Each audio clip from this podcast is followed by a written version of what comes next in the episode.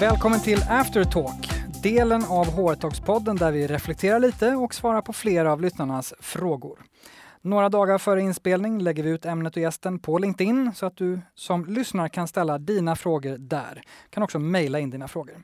Och nu står jag här med Karin Singmark, kommunikations och ledarskapsexpert, författare, föreläsare och rådgivare. Välkommen till Aftertalk, Karin Singmark. Tack så mycket. Är du redo för fler lyssnarfrågor? Jajamän. Och då börjar vi med eh, en fråga från eh, Kelly Chow som är seniorkonsult inom HR Transformation på Deloitte. Som tycker det skulle vara intressant att höra din take på hur, hur ett effektivt sätt att få individer och organisationer att förstå att förändring inte är något som har en start och ett slut utan sker konstant hela tiden och något som vi människor bara behöver lära oss att förhålla oss till. Det här har vi varit inne då, men, men, eh, på, men ett effektivt sätt för att få individer och organisationer att förstå det här. Men jag tänker så här att vi människor styrs väldigt mycket av eh, vad som premieras i organisationen. Så bara ett sätt att få människor att förstå att förändring är konstant och att man har ett ansvar att bidra till förändring är ju att någonstans premiera det i organisationen på olika sätt. Så att man eh, lyfter upp månadens förändringsprojekt eller månadens initiativ eller eh, att ledare på oväntat sätt lite då och då genom öppen transparent kommunikation lyfter upp olika initiativ som organisationen driver som handlar om ständig lärande, ständig utveckling. Som inte har en deadline här och nu eller i något kopplat till ett tillfälligt projekt. Utan Nej, precis. Har att göra med det nya sättet eller sättet som man vill att organisationen ska vara och göra och agera på. Ja. Growth mindset måste jag bara lägga till där. Det, det kan ju låta stort och flummigt men det behöver ju inte vara det. Um, så jag fick möjlighet att utbilda mig inom vad det betyder. Och på Microsoft hade man en struktur där man i utvecklingssamtalet hade som en fråga. Och det ska tilläggas att vi körde utvecklingssamtal kvartalsvis. Så kvartalsvis så hade vi den här frågan som var Vad har du gjort det här kvartalet för att utvecklas och lära dig nya saker? Um, och då fick man hela tiden fundera på det. Och då var det en viktig och prioriterad fråga som vi alltid tog upp. Och det är också ett enkelt sätt att få mm. in det. Som man, må, man måste hitta sätt att få in det i strukturer, mm. tror jag. Och just det exemplet behöver man ju inte, eh, det behöver inte föregås av en global struktur och policy för att Nej. ta till sig det sättet att jobba, utan det kan du som teamchef eller HR-ledare smyga in. Precis, mm. exakt så. Då har vi en från Kristoffer Lindqvist som är entreprenör på Smålandsbolagen som undrar hur du Karin ser på utmaningen att bygga en ny organisation från grunden. Vilka personer och funktioner är viktigast att få med? Kristoffer säger också att han eh, är då i en lite mindre företag. Mm. Och hur gör man då? Mm. Vilken möjlighet du har, Kristoffer. På riktigt. Eh, det är ju jättespännande och kul. Ja, om jag vore du eh, så skulle jag börja med det som eh, jag tycker är viktigast när du bygger en organisation. Att se över ert syfte. Vad finns ni till för? Vart är ni på väg? Eh, och sen, vad är viktigt vad gäller värderingar? Så börja med det här. För att det är det som sätter er kultur som kommer vara det viktigaste för samarbete och framgång framöver, tycker jag. Mm. Lägg tid på det. Lägg tid på det, um, helt klart. Mm. Um, vilka roller du har i din organisation, det är jättesvårt att svara på, för jag vet inte vad du gör. Um, så, så det kan jag faktiskt inte svara på. Men att lägga tid på att fundera över syfte, värderingar um, och den kultur ni ska ha i er organisation. Och sen så gäller det, jag tror ju på det här, när du rekryterar in dina människor så handlar det ju om attityd snarare än erfarenhet. Så rekrytera på inställning och attityd. Man kan lära sig massa saker on the job. Och ehm, Kristoffer eh, hade faktiskt en fråga kopplat till just det, hur man ska locka till sig personer som har driv och kunskaper i olika former då, men som man inte har råd att anställa till marknadsmässiga eh, löner. Hur kan man tänka då? Men det är ju precis då det är viktigt att du har ett syfte som engagerar.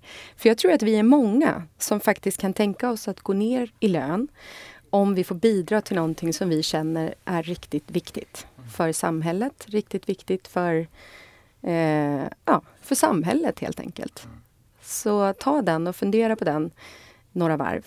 Sen tror jag nog att du kan inspirera människor till att vilja vara en del av din resa. Mm. När du gör det där, en sista grej också där.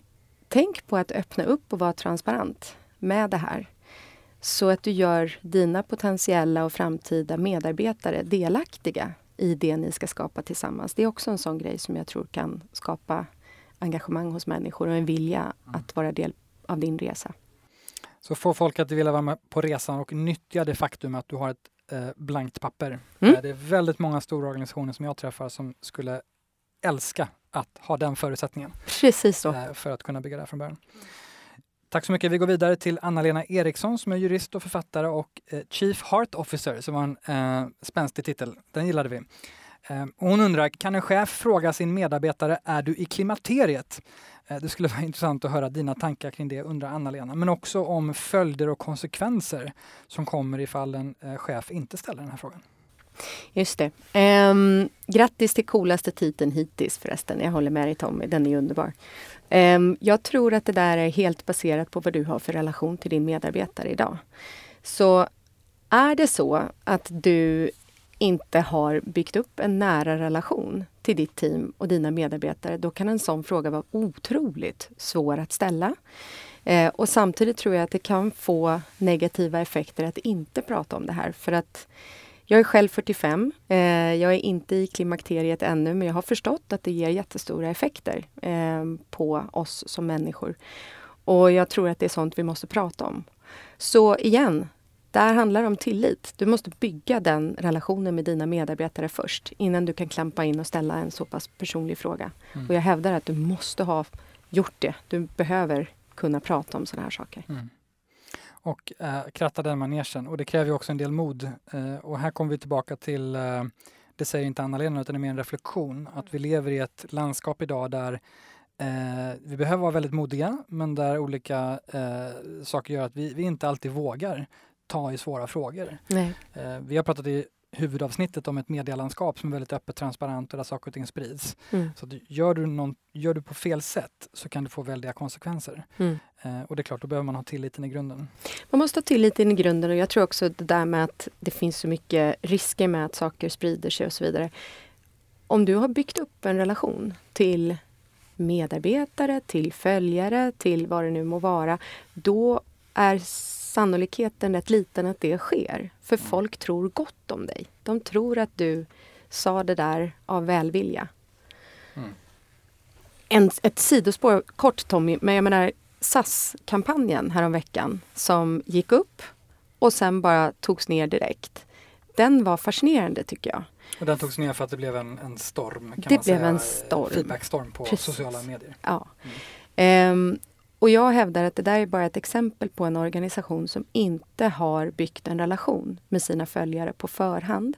Som inte hade liksom fingertoppskänslan i hur det här kommer tas emot. Framförallt om man ville väcka engagemang och väcka debatt, vilket kan vara jättebra, och speciellt i den här frågan. Det är ju superintressant att diskutera.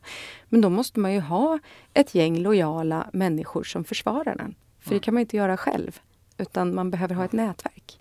Mm. Och det nätverket får man när man har byggt relation under, under många mm. års tid. Mm. faktiskt. Tack för det. Vi går vidare till eh, faktiskt en, en, lyssnare som vill vara anonym och jag är väldigt glad att den här frågan kom in för jag vet att många sitter med precis den här utmaningen eh, och jag kan eh, respektera det faktum att, att man vill vara anonym och det får man vara här om, om man vill. Eh, hen undrar, hur transparent bör man kommunicera kring en stor transformation? Som medför ett större kompetensskifte för flertalet delar av organisationen. Um, ja, så tuffa lägen. Och det är många som kommer vara i det här de kommande åren. Och det är lite mer nyans här från personen i fråga. Är lite så här, hur tydlig ska man vara? Ehm, de vet att flera kompetenser och roller inte kommer finnas om tre år. Eh, ska man vara så tydlig eller ska man snarare fokusera på här är de nya möjligheterna och så får man lista ut, dra slutsatser själv. Vad, vad tänker vi? Hur, hur ska man kommunicera? I de där fallen brukar jag tänka som, eh, som man tänker när man är en presschef i kris. För att människor har stenkoll på den här förändringen du pratar om, tror jag. För det där snackas det om i korridorerna. Så att det här är någonting vi vet håller på att hända. Och jag förespråkar att man ska prata om sådana här saker framför att försöka eh, lägga locket på. Ehm, och när man gör det så måste man vara medveten om vilken effekt det kommer få. Så att det här ska man inte göra eh, utan att ha förberett sig för att människor Det som kommer. skall. Ja, Mm. precis. Men jag tror inte på att lägga locket på. Jag tror att det dränerar hela organisationen på väldigt mycket energi. Ehm, så jag är för att, ehm, att helt enkelt ehm, eh, prata om det. Mm. Och vara tydlig. Ja. Ehm, och det, det, jag tänker att det dränerar på energi för att det just blir osäkert och otydligt. Ja, exakt så. Bättre att vara tydlig. Det finns ingenting som stressar oss människor så mycket som att vi vet att någonting är på gång men vi vet inte exakt vad, exakt när och så vidare. Och det är sånt som skapar skitsnack i korridorerna Mm. och det har vi inte tid med. Och nu tänker jag att det vi har pratat om, tillit och tillitsbyggande, blir också en väldigt nödvändig Ja. bas för det här. Eller det kommer Ja. underlätta det här arbetet som den här personen eh, pratar om. Verkligen så. Verkligen så. Jag tänker också hur man kanske ska göra det, en eh, naturlig följdfråga. Kanske vem eller vilka ska kommunicera kring den här förändringen eller transformationen med kompetenser som Mm. Det där tror jag är väldigt baserat på organisationen. Mm, Hur stor den är och hur, vilka avdelningar som påverkas och så vidare. Ehm, men som alltid i sådana här svåra frågor så handlar det om att ta det face to face. Ta det ehm, i så pass små forum så att man har möjlighet att prata och diskutera. Absolut inte ta sånt här på en fredag och låta folk gå hem i kris utan ta det här på en måndag, följ upp, gör en kommunikationsplan runt det här eh, som, som är präglad av tillit, alltså av eh, omtanke om människor och känslor som uppstår. Bra, tack. Vi skickar med det. Vi har en fråga från Anna Martinkari som är Head of Digital på Telia Sverige. Eh, och hon undrar om dina bästa tips för att säkra varaktighet i förändringarna. Så att det inte är beroende av en person eller få personer och så dör det om de personerna lämnar.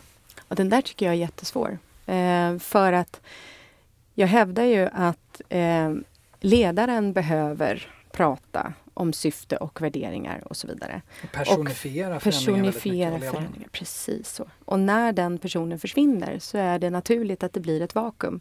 Å andra sidan, det måste få vara så.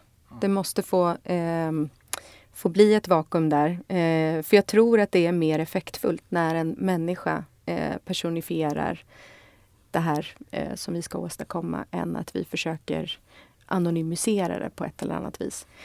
Men kraft, ett, kraft, kraften är så att säga plusset överväger eh, minuset eh, Ja. när man väl hamnar i Ja, vakuumet. ja. Men en sak vi kan göra för att eh, minska risken eh, är ju att, att hitta sätt att få in det i vår dagliga struktur, alltså förändringsprojektet. Hitta sätt att eh, mäta det, hitta sätt att eh, kanske eh, ja, men, eh, få in den här feedbackkulturen och såna här saker i vår vardag så att det drivs av många och inte bara den här enskilda individen. Mm. Och inte bara av ett program eller ett projekt Precis. någonstans. Nej, Utan det blir en del av vår vardag, en del av vår kultur. Vi brukar säga att kultur sitter i väggarna så att det ska ju inte behöva vara så himla individfokuserat. Just det. Och jag tänker att det beror lite på om när den här personen lämnar, att det har att göra med att nu är det en ny förändringsresa som kommer. Då kan man jacka in med en ny person som personifierar det. Så kan det vara. I, och ibland kan det ju vara att en person lämnar utan att resan är klar. Och Precis. då får man försöka säkra upp att det finns flera. Ehm, och eh, Anna undrar också vad Karin eh, är mest stolt över att ha förändrat i sitt eget liv och sin karriär. Det blir en mer personlig fråga. Jag är mest stolt över att jag vågade ta klivet ut i osäkerheten.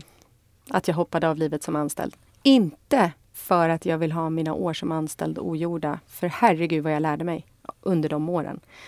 Men jag är väldigt glad att jag lyssnade på min magkänsla. Och vi har pratat en del om det här i, i huvudavsnittet också, den resan både före och efter eh, avhoppet, så att Mm. säga. Eller inhoppet kan man säga, till din nya karriär. Vi har några frågor från Anna Strid som är grundare och VD för People Experience som undrar, utifrån både studier och din erfarenhet inom området, vilka karaktärsdrag och beteenden hos ledare blir absolut avgörande för att få med sig medarbetare på en förändringsresa? Om vi kan zooma in på karaktärsdrag och beteenden som, Mm. som vi kan... Mm. Jag tror ju att eh, det är lättare att inspirera till mod om man själv är trygg. Så en personlig mognad och trygghet som ledare är ju någonting som är otroligt viktigt och det tror jag kan komma oavsett ålder. Det har ingenting med ålder att göra. Eh, sen tror jag att den kommunikativa kompetensen blir viktigare och viktigare. Och det är speciellt när vi inte fysiskt kanske sitter på fysiska kontor längre. Utan vi jobbar lite var vi vill och lite när vi vill. Då måste ledaren förstå och anamma medielandskapet idag och jobba kommunikativt. Mm. Och en reflektion här är att jag, jag, jag möter väldigt mycket HR-ledare och andra ledare. Men som ja, på något sätt har lärt sig att hantera den liksom, arbetsflödet i kommunikation och jobba remote och man har ju medarbetare över hela världen och så vidare. Men, men just det där att vara kommunikativ eh, externt. Mm. Att så här, bygga sig själv som varumärke som vi också har pratat om i, i huvudavsnittet och att den här kommunikativa förmågan. Mm. Att, att det, jag ser så många som inte prioriterar det Nej. fortfarande. Och nu står du här och säger att det är liksom en av de viktigaste delarna för att få med sig medarbetare på förändringsresan. Att, att, att ta in det. Jag förstår inte heller hur det, hur det inte tas hur, hur, man inte prioriterar det. Jag förstår inte hur man inte prioriterar det idag. vi, många inte. vi förstår inte. vi förstår inte. Eh, med respekt för att många gör det här jättebra och eh, säkerligen eh, finns det en viss korrelation med vilken typ av bolag och vilken kultur man, man är på om man inte har eh, kanske det eh, i blodet eller är ins incentivized. Precis. Att lägga till på det. Eh, Anna undrar också, de här organisationerna som inte riktigt lyckas främja självledarskap hos medarbetarna. Vad ser du att de här organisationerna primärt gör för fel när man inte lyckas med det? Finns det någonting att, att ta på där? Mm. Ja, det finns många saker jag tror eh, man gör fel där. Eh, och jag tror att eh, en stor bov är detaljstyrning. Eh, jag har jobbat en del med eh, våra storbanker och där är det någonstans eh, i väggarna så att man, man drivs av rädslor för att överträda eh, massa olika regler. Vilket gör att man istället för att sätta mål och ge mandat till människor att hitta sin egen väg fram till målet så kopplar man på en process till målet. Och då tappar vi människor fullständigt suget och drivet. Så, så där har du ju en aspekt på det som jag tror är viktig att tänka på detaljstyrning. Ja. Bort med det. Ja. Och sista frågan från Anna som vi lyfter här. I en organisation i ständig förändring blir såklart en tydlig värdegrund central. Men även denna behöver ju hänga med och anpassas efter nya riktningar. Vilket är det bästa exemplet du sett på hur man kan använda värdegrunden som katalysator slash kompass för förändring utan att det hela upplevs som ett separat värdegrundsarbete? Ja, men det är ju när man kopplar värderingarna till verksamheten och det dagliga arbetet. Och den förändringsresan? Ja, mm. så värderingarna får ju aldrig vara något separat projekt utan det måste vara 100 integrerat med det vi gör eh, och den förändringsresa vi har framför oss. Och det kan man ju, tycker jag, det är inte så krångligt om man bara konkretiserar ner det till vad betyder värderingarna i vårt agerande och beteende och de beslut vi fattar och så vidare. Och så gör man övningar kring det här hela tiden. Och precis som, som du är inne på, eh, Anna, som ställer frågan, eh, så ska de här leva. Mm. Så, eh, för, för, för omvärlden förändras snabbt och mm. då måste också vårt agerande och vårt beteende faktiskt anpassas ut, ut efter det. Har du sett eller hört eller upplevt några organisationer som du tycker är extra duktiga på det här som vi kan skicka med som inspirationstips? Um, jag pratade faktiskt just med LinkedIn om det här som inte har förändrat sina värderingar på rätt många år. Och de sliter själva med det, att det kanske faktiskt måste göras nu. Uh, men det är svårt. Det handlar ju också om mod. Man vet vad man har men inte vad man får. Mm. Så det var inte svar på frågan, för det, de, de sliter Men det finns framgångsrika bolag som ändå kämpar med det också. Du nämnde själv Microsoft tidigare som ja. har gjort en rejäl resa. Ja. Där du var ju med i, kan man säga, i starten av den som Satya mm. Nadella drog igång. Mm. Där det var ju väldigt förankrat, förankrat i, i hela ja. förändringsresan. Ja, ja det, var, det var otroligt spännande att få se inifrån eh, den, den förändring som genomfördes och eh, fascinerande också att ett så stort bolag men det är ju därför de är så framgångsrika, för de är förändringsbenägna. Mm. Eh, otroligt fascinerande. Men förändring är smärtsamt som sjutton. Um, och det, ta det tar tid. Vi kan ju också fråga dig som lyssnar om du har ännu fler bra exempel på bolag som har gjort det här bra eller din, om din egen organisation, om du tycker att ni har gjort det här bra, så, så släng ut det i sociala medier och, och, och, tagga oss så att vi får upp det här. Gör gärna det.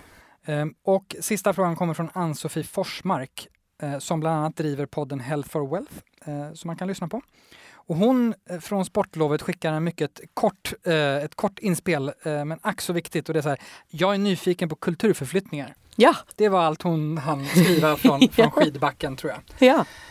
Eh, kulturförflyttningar, tillit, mod, eh, många, många, många förändringar eller förändringsprojekt eller transformationer just nu handlar om kulturförflyttningar. Mm. Det var faktiskt där vi började i den här podden med Cecilia Lundin från Telia i avsnitt ett. Eh, och, och, vad är dina reflektioner kring kulturförflyttningar och det vi har pratat om och vad man verkligen behöver? Eh, reflektionen är ju att det är svårt. Eh, det stämmer det där uttrycket att kulturen sitter i väggarna, för det gör det. Men jag tror att man kan förändra det genom en del enkla eh, mått. Och till exempel är ju en sån sak som att fundera lite grann på vad det är vi premierar i vår organisation. Premierar vi samarbete? Premierar vi gemensamma prestationer? Premierar vi misslyckanden som man lär sig av? Eller vad är det för någonting vi premierar egentligen? Så att det inte blir, nu ska vi göra en kulturförflyttning och här har vi massa fina ord fast vi fortsätter att bete oss på exakt samma sätt som vi alltid har gjort. Bra, tack. Jag tror att vi kommer att fördjupa oss mer i kulturförflyttningar i kommande avsnitt. Vad, eh, om vi får reflektera lite nu. Tack så mycket för alla lyssnarfrågor. Jag är som alltid djupt imponerad och tacksam för alla som vill medskapa de här eh, avsnitten.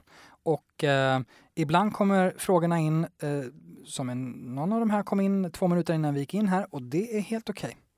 Okay. Eh, hur kändes det att vara med i Hårtalks-podden, Karin? Ja men så himla trevligt. jag, tror, jag tror vi har dragit över tid för att vi är båda rätt eh, passionerade runt det här området. Eh, så super, super, super kul och jag håller med. Sjukt spännande frågor. Och vad tänker du om frågorna? Ja, men, eh, frågor visar ju ofta på vad människor har i, eh, i görningen just nu, det man sliter med just nu. Um, och uh, jag, jag håller med att uh, eh, sådana här funderingar kring vad är okej att prata om i gruppen och uh, hur ska vi, hur ska vi liksom bygga en organisation om vi skulle bygga den från scratch idag och såna här saker. Det är ju mm. sånt som många sliter med. Mm. Men likaså kulturförändringar och kulturförflyttningar är stora och svåra frågor. Men jag tror att vi har gått igenom en hel del grejer som är så enkla konkreta tips på mm. vad man kan göra för att göra det lite lättare. Det har vi absolut. Finns det någonting som vi däremot inte har pratat om som du tycker att varför kom vi inte in på det här? Det här måste vi prata om. Vi ska inte säga hur länge vi har stått här, men vi har, vi har hunnit med en del. Jag tror inte det. Vi har varit inne på vikten av eh, det gemensamma syftet. Vi har varit inne på värderingar som blir, eh, båda de två blir ju navet i en annars rätt så kaotisk omvärld. Och det tror jag är viktigare än någonsin att ha. Sen har vi pratat om mål som faktiskt styr beteende, eh, som är viktigt att koppla till de här två första. Och sen att öppna upp och visa sårbarhet och bygga relationer eh, för att skapa en kommunikativ kultur. Det är ju liksom A och O. Mm. Det tar tid, men eh, ack så viktigt att börja med om man inte redan gör det idag. Och som vi inledde huvudavsnittet, det finns otroligt mycket forskning, rapporter och bevis som pekar på att det vi har pratat om idag är faktiskt helt nödvändigt för att bygga en framgångsrik organisation som lyckas både generera bra medarbetarupplevelser, trygghet, aktieägarvärde och vad det nu är. Mm. Och eh, vi lägger som sagt med en del av de länkarna i eh, show notes och i eh, inte minst nyhetsbrevet som kommer ut sen.